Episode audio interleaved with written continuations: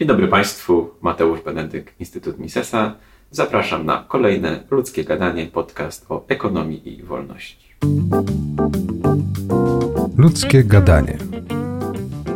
Podcast o ekonomii i wolności. Dzisiaj moim gościem jest e, Marcin Zieliński. Dzień dobry Marcinie. Dzień dobry Mateuszu, dzień dobry Państwu. Marcin pośród swoich wielu pasji e, ma dwie, e, które nas łączą, czyli książki i ekonomia. I wolny rynek.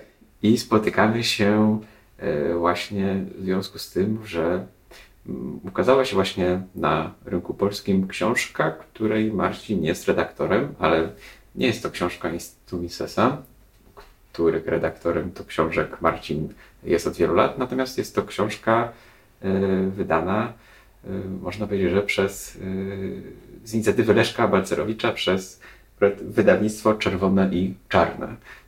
Co to za książka? I też Forum Obywatelskiego Rozwoju, bo tam jest konsorcjum, można powiedzieć, wydawnicze. Wspólnie wydaliśmy. No, dzięki temu, że dzięki temu, że zdobyłem doświadczenie w wydawaniu książek w Instytucie Misesa, to również Forum Obywatelskiego Rozwoju, gdzie na co dzień pracuję jako ekonomista, zostało mi zaproponowane, bym i tam y, uczestniczył w procesie wydawania książki. Jest to książka Odkrywając Wolność 2 w obronie rozumu. Przypomnę, że równo 10 lat temu, znaczy może nie co do miesiąca, ale rocznikowo na pewno, y, została wydana książka Odkrywając Wolność przeciw zniewoleniu umysłów. I tam taka gruba, gruba cegła, taka ponad tysiąc stron z tekstami, yy, z tekstami różnych wolno, wolnościowych myślicieli na temat tego właśnie czym jest wolność, jakie, jakie ustroje wspierają wolność, a jakie szkodzą wolności, co jest nie tak z argumentami przeciwko wolności, wolności gospodarczej, ale także innym rodzajem wolności. Yy, i ta książka okazała się wtedy bestsellerem. Nawet nie wiem, masz czy nie masz, ale wielu, wielu ma tę książkę. Ja pamiętam, jak 10 lat temu kupiłem. No i teraz powstał właśnie pomysł, żeby wydać część drugą, no nieco cieńszą, bo tamta była jednak już taka naprawdę bardzo gruba. Mamy w tej chwili książkę nieco cieńszą, bo ponad tysiąca stron ma y, nieco ponad 600, czy tam może bliżej nawet 700 stron, więc jest rzeczywiście zauważalnie tą, o tą jedną trzecią cieńsza, natomiast... Powiedziałbym tylko, że to bardzo dobry krok i dlatego też biografię Ludwiga von Misesa, autorstwa Jorga Guido Wulsmana wydaliśmy na dwóch osobnych tomach, bo wydaje mi się, że książki już, które są tysiącstronicowe, są po prostu niewygodne w czytaniu, w samym takim fizycznym przekładaniu stron, jednak te, te, te 600 stron to, to jeszcze można trzymać w ręku i to jakoś można się tym cieszyć. Tak, no, zwłaszcza jeśli ktoś jeszcze czyta fizyczną książkę. Ja na przykład staram się, jak mogę unikać już fizycznych książek, to wynika z wielu przyczyn. Taką najbardziej podstawową jest to, że... Ceny metra kwadratowego w Warszawie. Ceny metra, a to są dwie podstawowe. Pierwsza to jest cena metra kwadratowego. Ja wtedy w tej chwili faktycznie mam w ogóle część książek trzymam y, w kartonach w forze, y, bo mi się w nie mieszczą na w mojej bibliotece, której tak jest w Warszawie, mam ją okrojoną i część jeszcze mam, której nie wziąłem jeszcze u rodziców. I to jest cały problem. Ale drugim powodem takim już takim codziennym jest to, że moja żona wcześniej chodzi spać i w związku z tym y, no, nie pozwala mi świecić światła w sypialni, więc jestem wtedy skazany na czytnik. W czytniku mam podświetlenie własne, które jej nie przeszkadza i dzięki temu mogę książki czytać. Więc ja osobiście preferuję, preferuję czytnik, no ale wiele osób preferuje książki drukowane. One też mają swoje zalety i też no, faktem jest, że mamy taką dosyć dziwną cenę. Nie będę już się zastanawiał nad przyczynami tego, a tym bardziej nie będę postulował interwencji państwa w, te, w tej materii, no ale często mamy do, tak, że y, e-book jest droższy od książki papierowej w sklepie, więc to skłania wiele osób jednak do kupna, do kupna książki papierowej, no tym bardziej, że żeby czytać e-book, to trzeba najlepiej mieć czytnik, za który też trzeba wcześniej zapłacić. Y, to wracając do książki. Y, książka ma trzy główne części. Myślę, że możemy sobie krótko te części charakteryzować i powiedzieć może co nieco o tematyce i o autorach, na których padł wybór.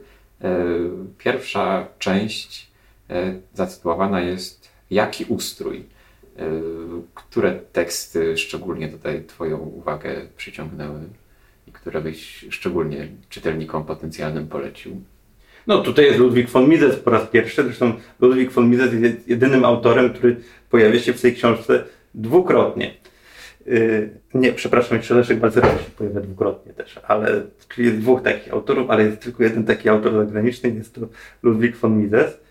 Jeżeli chodzi o teksty, które bym polecał, poleciłbym pewnie Ludwiga von Misesa, to jest znany tekst Wolność i Własność, to jest jego wykład yy, na spotkaniu Stowarzyszenia Montpellerin. Tam pokazuje związki między wolnością i własnością.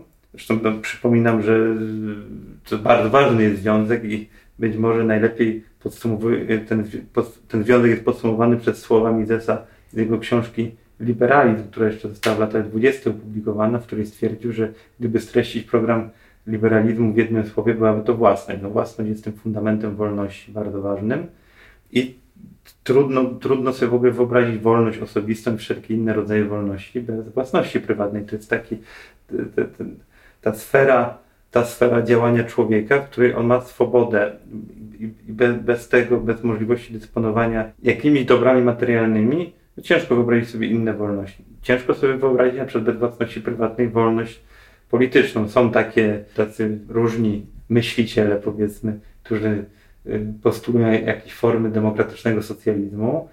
Trudno sobie wyobrazić demokratyczny socjalizm, y, czyli ustrój, w którym. Byłyby wolności obywatelskie, nie byłoby gospodarczych. Tak, i wszystko by należało do państwa, czyli w jaki sposób opozycja na przykład by mogła y, mieć zasoby do kolportowania swoich ulotek na przykład głoszenia swoich poglądów i tak dalej, przez partię rządzącą by, by były udostępnione jej te zasoby. No jak, jak wygląda na przykład, jak wygląda ta sytuacja, jeśli chodzi o dostęp przykład do mediów, no to widzimy w Polsce, jak mamy, y, tak naprawdę zawsze było do czynienia, mieliśmy z przejmowaniem publicznych mediów, tak samo jak z przejmowaniem publicznych spółek, ale w tej chwili już w ogóle widzimy, do jakiego stopnia to potrafi dojść i jak telewizja publiczna staje się już taką naprawdę tubą propagandową partii rządzącej.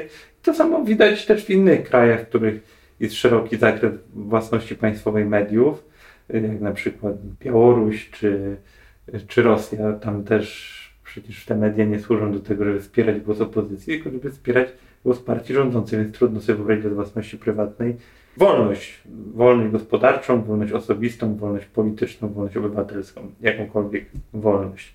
Z tych innych tekstów, które bym tutaj polecił, oczywiście poleciłbym wszystkie, no, krótki przegląd na temat teorii wyboru publicznego przez Jamesa Buchanana, y, Mark Pennington o tytuł jest taki dość yy, brzmi Brzmi naukowa, to jest ciekawe, ciekawe spojrzenie na to właśnie, jak powinniśmy przy projektowaniu różnych rozwiązań jednak patrzeć realistycznie na ograniczenia wynikające z wiedzy człowieka, z natury człowieka i tak dalej, a nie próbować narzucać rozwiązania, które wyglądają y, dobrze tylko w pismach y, różnych etatystycznych myślicieli. Rozmawialiśmy niedawno o przedsiębiorczym państwie i to właśnie takie rozwiązania, jak postuluje na Mariana Mazzucato, to dobrze wyglądają w, książce, w książkach Mariany Mazzucato, ale jak, o, o, o czym rozmawialiśmy, to w Polsce już na przykład tak dobrze ta przedsiębiorczość państwa nie wygląda. No też pewnie Leszka Kołakowskiego, po co nam prawa człowieka, gdzie wskazuje, że y, to, że coś nazwiemy prawem człowieka, to nie znaczy, że nagle staje się dostępny i nie trzeba za to zapłacić. A Przypomnę tutaj w kontekście chociażby zdobywającego w ostatnich miesiącach popularność w Polsce hasła mieszkanie prawem, nie towarem. No fakt, że nazwiemy na przykład mieszkanie prawem, a nie towarem, nie zmienia faktu, że to mieszkanie trzeba wybudować i trzeba, ktoś musi za to zapłacić. Może zapłacić sektor prywatny za to mieszkanie, może zapłacić, oczywiście państwo może też budować mieszkania, y, jeśli tylko zechce, no ale też musi wtedy ściągnąć od kogoś te pieniądze, kogoś opodatkować albo zrezygnować z jakichś innych wydatków. Koniec końców zapłaci za to podatnik wtedy i czy, czy musi być finansowanie. I to, nie, I to czy nazwiemy coś, coś prawem, to, to te, tych podstawowych ograniczeń wynikających z rzadkości zasobów, to tego nie zmieni. Tak na marginesie mówiąc, no to państwo tak sobie średnio na przykład radziło w ostatnich latach z budową mieszkań, bo realizowało faktycznie program Mieszkanie Plus. No i ten program tam, jeżeli chodzi o realizację, to tak gdzieś na poziomie 20-30%, jeśli chodzi o liczbę mieszkań. A dodawał jakieś 1% mieszkań rocznie? Nie, a w tym samym czasie, prawda, sektor prywatny budował rekordowe, rekordowe miał wyniki, jeśli chodzi o liczbę oddawanych mieszkań. I oczywiście, co tutaj też jest ciekawe, że, ciekawe i to, to, to, ale to już bardziej chyba do tej może części trzeciej, że czego by sektor prywatny nie zrobił, mimo tego, że to jest rynek mocno skrępowany regulacjami i tak dalej, to on będzie zawsze winny, a państwo jak sobie nie radzi, to jest tylko argument za tym, żeby może zwiększyć finansowanie, dać jeszcze większe możliwości działania y, politykom w tym zakresie i tak dalej, to wtedy już się na pewno uda. Czyli po prostu rynek będzie zawsze winny, państwo będzie zawsze niewinne i to jest ten taki sposób, statystyczny sposób myślenia o, o świecie. No i w końcu może też tekst Leszka Balcerowicza Ustroja sfery życia, który pokazuje po prostu jak w różnych ustrojach y, społeczno-gospodarczych jak różne ustroje społeczno-gospodarcze wpływają na różne sfery życia, w tym sferę życia, y, prywatną sferę życia człowieka, tutaj tą, tą indywidualną, jak po prostu wtedy, gdy na przykład nie mamy systemu wolnościowych, tylko systemy etatystyczne, interwencjonistyczne, to one również się, to nie tylko jest tak, że się one ingerują na przykład w działalność gospodarczą człowieka, która też jest swoją drogą ważną częścią życia każdego człowieka, pozwalającą wielu ludziom się realizować, tak wiele osób to postrzega. To nie jest tak, jak Lewica mówi, że praca to jest coś, y, coś, ogólnie, czego ludzie nie chcą robić. Wiele, osób tak naprawdę chce pracować i, wolałoby, żeby państwo nie ingerowało w to, jak wykonują swoją pracę. Państwo ingeruje, no ale też ingeruje, y, przez to, że ingeruje w, te, w tę podstawową y, sferę życia, no też w inne sfery życia y, człowieka, również to, co robi po godzinach, to się przekłada na to, jak po prostu wygląda życie y, ludzi po godzinach. Ingerencja państwa. Y, to ja tylko dodam może, że Mark Pennington, o którym wspominałeś, y, był na przykład promotorem pracy doktorskiej Jakuba Bożydara Wiśniewskiego, bo nie wiem, czy dalej działa na King's College w Londynie, ale właśnie wtedy mam nadzieję, że dalej to, to, to środowisko w miarę liberalne tam działa i kolejnych y, wolnościowych doktorów y, tam promują, ale właśnie między innymi y, Jakuba Wiśniewskiego promotorem Mark Pennington był, ale powiedziałbym, że jak na kwestie ustrojowe, to jednak dość mocno ekonomiści zdominowali tę część, bo tak mamy i Buchanana, mamy Beckera, mamy Misesa, mamy Balcerowicza, Y, więc y, dajecie głos ekonomistom. Tak, homo economicus jakiegoś tutaj robicie. No, czy Ludwik von Mises to był wielki zwolennik koncepcji homo economicus, to już sobie sam odpowiedz.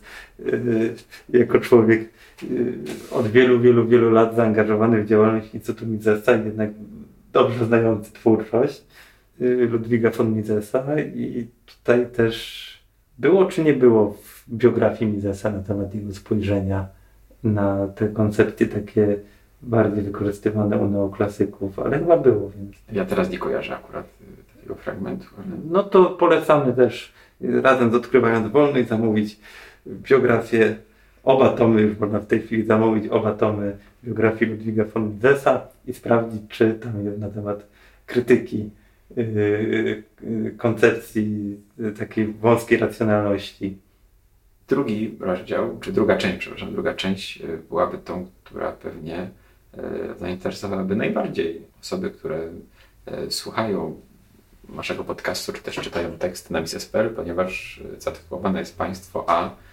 gospodarka. I tutaj jakby nieprzypadkowo znajdziemy kilka nazwisk ze szkołą, szkołą szwedzką ściśle związanych, jak na przykład Robert Hicks, Lawrence White czy George Selgin. Jakie tutaj tematy y, właśnie na linii państwo rynek, gospodarka są poruszone. No mamy przede wszystkim dwa teksty. Właśnie, bo jeszcze George Selgin jest, dwukrotnie się pojawia, ale raz jako współautor z Lorencem White'em.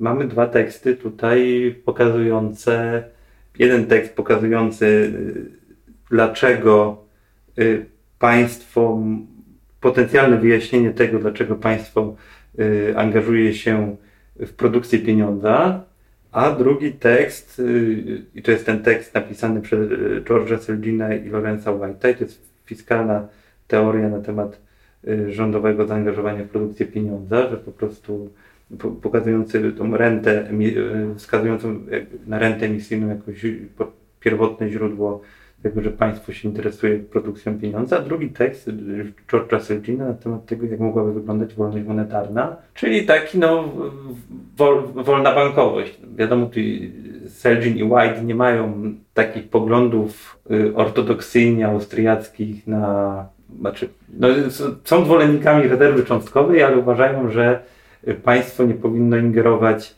jeżeli chodzi o postulaty, rekomendacje, nie powinno ingerować y, w działalność systemu bankowego, nie powinno dostarczyć pieniądza.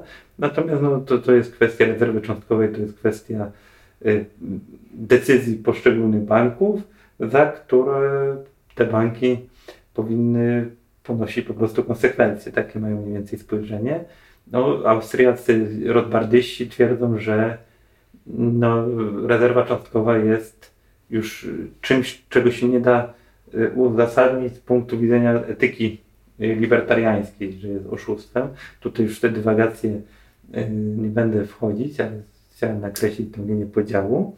Natomiast na pewno oba, oba teksty warto przeczytać. Tak samo jak właściwie wszystkie teksty w tym rozdziale. Tak, mamy, i, i te teksty są dosyć szerokie, szeroką tematykę obejmują. Mamy Roberta Hicksa o reżimowej niepewności. To tak naprawdę, biorąc pod uwagę, e, znaczy oczywiście Robert Hicksem, e, kontekstem dla jego e, artykułu jest e, wielki kryzys w latach 30., dlaczego trwał tak długo e, i dlaczego dopiero e, wzrost gospodarczy powrócił po wojnie gdzie wskazuje, że główną przyczyną były problemy z właśnie ze zmiennością przepisów, z niepewnością co do tego, co politycy znowu wymyślą, czyli w dużej mierze też to, co mamy w tej chwili w Polsce i dlaczego na przykład mamy tak niską stopę inwestycji, o czym rozmawialiśmy podczas naszego poprzedniego podcastu. Ja tylko dodam, że ten tekst akurat y, czytałem swego czasu po angielsku i naprawdę bardzo mi się podobał. Też jakby nie są to, to, to nie są tylko teoretyczne rozważania, tylko jest artykuł historyczny i tam są jakieś konkretne wskaźniki, które jakby pokazują, że ta interpretacja o reżimowej niepewności jest słuszna. Tak? Tam zdaje się, że na mhm. przykład oprocentowanie długoterminowych obligacji jest jednym z takich tak. wskaźników, który pokazuje, jak bardzo niepewni czują się swoje inwestycje przedsiębiorcy i to, jak to właśnie się y, zmieniało. No, wydaje mi się, że w ogóle jakby te prace Higgsa, to jest taki jeden jego ze sztandarowych artykułów, są no, dobrym przedłużeniem wielkiego kryzysu w Ameryce Maria Rothbarda, tak, który kończy się wtedy, kiedy Roosevelt przejmuje władzę, mm -hmm. a Hoover ją oddaje, a Higgs w swoich różnych artykułach e, pokazuje, jak ta, ta polityka Nowego Ładu e, nie działała i, i, dlaczego nie działała, więc e, to, to, to na pewno... Nie, że sama w sobie nie działała, też miała tak naprawdę negatywne konsekwencje na działalność sektora prywatnego.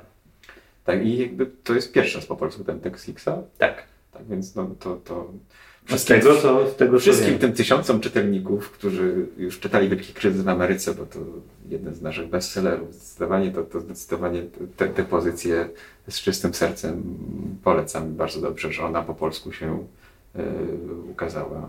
Ale no, są też nieaustriackie teksty są nieaustriackie teksty. Rzeczywiście, bo takim naj, najmniej austriackim tekstem, jeżeli chodzi o nieaustriackie teksty, to jest yy, tekst Davida Friedmana. Tam rzeczywiście yy, David Friedman jest takim twardym neoklasykiem.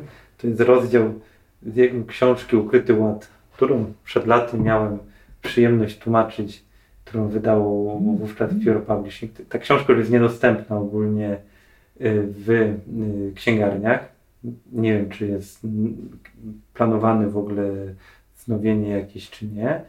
No i tutaj zdecydowaliśmy się na włączenie jednego rozdziału z tej książki na temat zawodności rynku i czy może ta zawodność rynku jednak to nie jest taka zawodność rynku, tylko po prostu taki no problem, to, że nie wszystko wygląda tak jak, tak jakbyśmy chcieli my albo jacyś różni intelektualiści, którzy bardzo chcą forsować swoje wizje, e, wizje świata, to nie wynika może z zawodności rynku, tylko po prostu z tego, że no nie jest możliwe, żebyśmy wszyscy, tutaj cytując, wszyscy naraz byli zawsze szczęśliwi, bogaci, mądrzy i żonaci. Mogą być różnego rodzaju ograniczenia, których nie da się ani na przykład obejść, nie jest w stanie ani obejść rynek, ani obejść interwencja państwa. Tak, no może neoklasyk, ale przynajmniej z poczuciem humoru i, i zabawny i umie pisać. A z ciekawości, jakby, czy, czy dużo musiałeś zmieniać w tłumaczeniu po, po tylu latach? Czy jakby uznajesz, że twoje wczesne prace translatorskie dalej trzymają poziom? Ja tam dużo nie zmieniałem. Jakieś drobiazgi tylko były. Też tak naprawdę nie było, nie było czasu, żeby tak wszystkim się zajmować i zmieniać, więc tak no, tutaj wiesz, ja jestem człowiekiem wielu zawodów i zarazem jestem ekonomistą i jako ekonomista tworzę jednak sporo wydarzeń komentuję i, i piszę na ich temat i, i tak dalej. Wydaję w Instytucie Misesa książki, tutaj jeszcze y, było Odkrywając Wolność, więc też tak y, ten, nie było czasu, żeby żeby to dogłębnie jeszcze raz yy, czytać i poprawiać, ale ten przekład uważam, że był dobry. Teraz pewnie bym, chociaż teraz to może już nie, bo wyszedłem z formy, ale jak byłem w szczytowej formie, pewnie bym, czyli wtedy, gdy tłumaczyłem burżuazyjną godność yy, Makloski, bo to wymagało ode mnie szczytowej formy, pewnie przetłumaczył lepiej, ale tutaj też nie miałem jakichś głębszych uwag do tego. I jeśli dobrze widzę, to wśród ekonomicznej części mamy jednego noblistę, tak? czyli Vernona e, Smitha. O dziwo w części ustrojowej jest więcej ekonomicznych noblistów, tak? bo jest i Buchanan, i Becker, jeśli dobrze kojarzę, też chyba ekonomicznym Noblem może się e, pochwalić. A Vernon Smith o eksperymentach ekonomicznych? Nie, to właśnie jest właśnie, mimo tego, że pewnie jego ekonomię eksperymentalną niektórzy mogliby uznać za coś ciekawego, inni pewnie by uznali coś mniej ciekawego, ale to jest coś, za co dostał Nagrodę Nobla, jednak tutaj został, trafił po prostu jakiego y, tekst bardzo dotyczący w sumie faktów, czyli tego, jak dzięki globalizacji poprawił się standard życia na świecie, globalizacji i, znaczy, i innym innym y, zjawiskom tak naprawdę rynkowym, czyli też jakby tak sięgać i tutaj już za Maklowski, pewnie Maklowski jeszcze chwilę pogadamy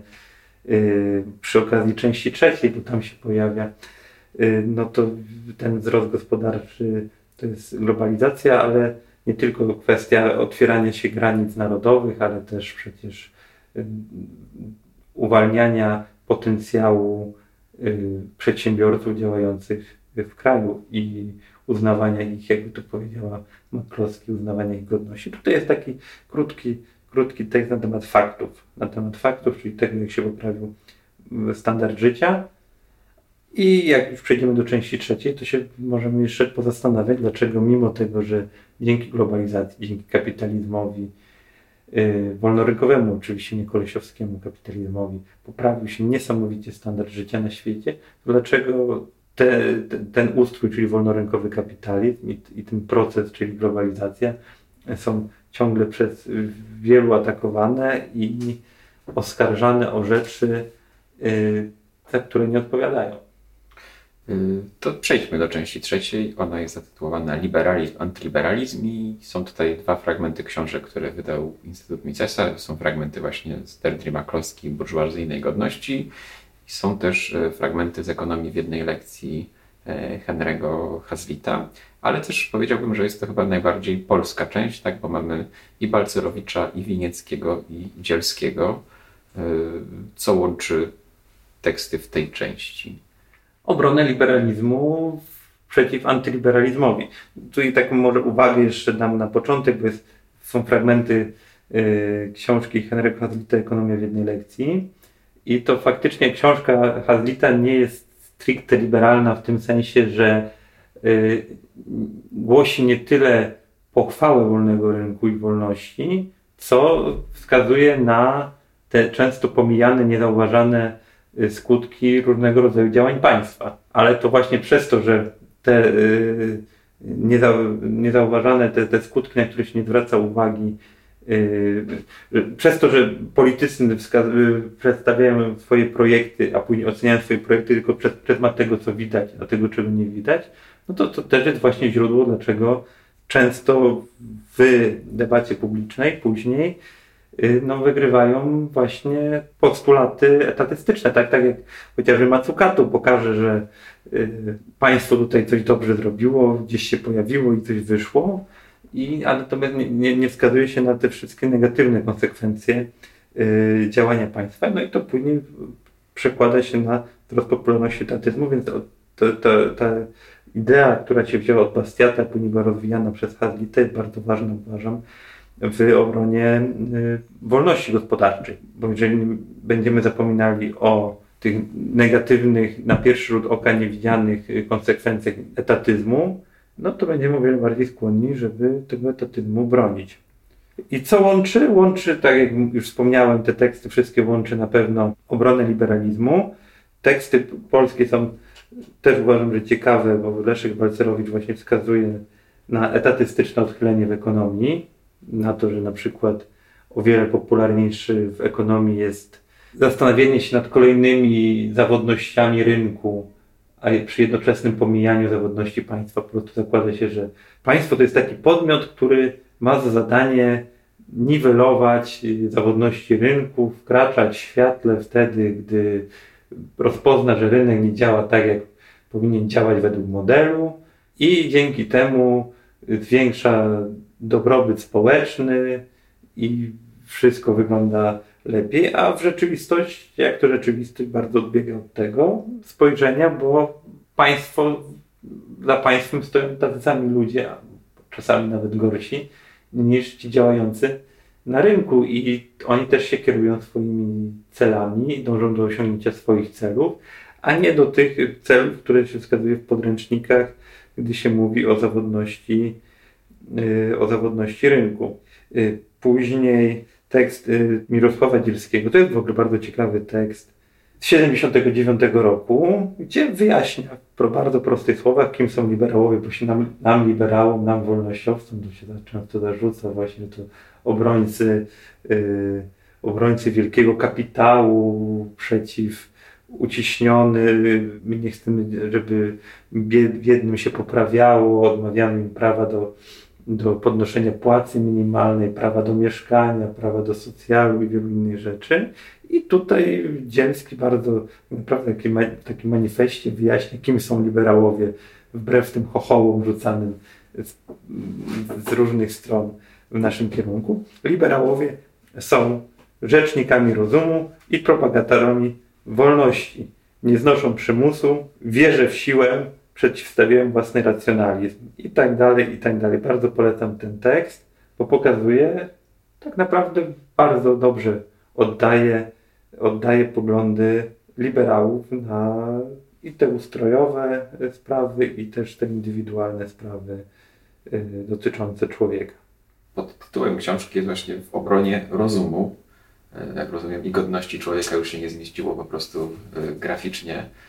Ale godności człowieka broni fragment, fragment książki Dirdy McCloskey, jeden z rozdziałów y, burżuazyjnej godności. To przypominam, że to jest jedna z niewielu książek y, napisanych przez y, zwolenników wolnego rynku, które, która spodobała się redaktorowi Wosiowi.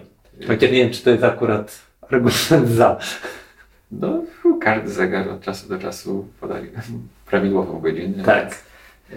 Książkę, za którą Na pewno też... bym się nie obrażał z tego powodu, że... Książkę, za którą też Misesa dostał trzecią nagrodę w kategorii y, tłumaczenie książki ekonomicznej w Ekonomikusie, której właśnie przewodniczącym kapitułu jest redaktor Woś.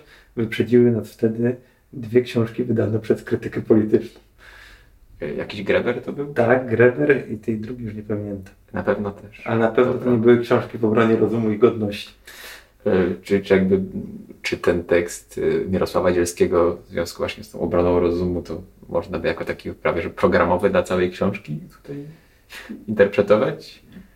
Aż tak bardzo daleko bym nie szedł. Tutaj raczej taka mm, może bieżność tak naprawdę, przypadkowa dosyć. No, też forze staramy się być, stawać w obronie rozumu, y, zwłaszcza przeciwko, y, przeciwko różnym populistycznym pomysłom różnych polityków. No tak naprawdę no, liberalizm jest tą, tym stanowiskiem, które broniąc wolności broni rozumu, więc to stąd raczej y, stąd raczej jest ten podtytuł. Ale ten, dalej ten artykuł oczywiście Mirosława Dzielskiego polecam. To jakbyś jeszcze miał powiedzieć nam, mm, dla kogo jest ta książka? Czy osoby, które są już dobrze zaznajomione z filozofią e, liberalną, czy, czy, czy z ekonomią tutaj skorzystają? Czy jest to raczej książka dla początkujących? Czy ona jest tak zrobiona, że w zasadzie jest e, dla wszystkich? Myślę, że biorąc pod uwagę to, że tu jest ponad 20 tekstów bardzo różnorodnych, to się znajdzie coś ciekawego dla każdego. Y, No dla tych czytelników, którzy dopiero się zaczynają zaznajamiać z, z ideami wolnościowymi, no to bym polecał zacząć na pewno od wstępu Leszka Balzerowicza, gdzie wyjaśnia pewne podstawowe pojęcia i wskazuje to, jak, y, Jak na wstęp dość obszerny, można zaznaczyć. bardzo obszerny, ale to, to są wyjaśnione no, podstawowe tak naprawdę zagadnienia istotne z punktu widzenia społecznych i ustrojowych koncepcji liberalizmu. No i też bym na pewno tutaj chociażby ten tekst, na temat którego trochę porozmawialiśmy, czyli tekst Mirosława Dzielskiego polecił jako taki wstępny, bo tam nie ma, nie ma operowania tak naprawdę y, skomplikowanymi konstrukcjami myślowymi czy terminami, tylko po prostu taki bardzo fajny, prosty manifest na temat tego, kim są i czego bronią liberałowie, wbrew temu, co różni lewicowi intelektualiści na całym świecie próbują nam, liberałom, libertarianom, wolnościowcom y, zarzucać. E, To w takim razie zachęcamy do tego, żeby nabyć książkę Odkrywając e, Wolność 2. E, Czy for jakoś ją dystrybuuje, czy trzeba po prostu do księgarni internetowych lub stacjonarnych zajrzeć? Jest też nasz sklep internetowy, na który wszystkich chętnych zapraszam. Myślę, że nie będzie problemu, żeby link się pojawił w opisie do dzisiejszego odcinka.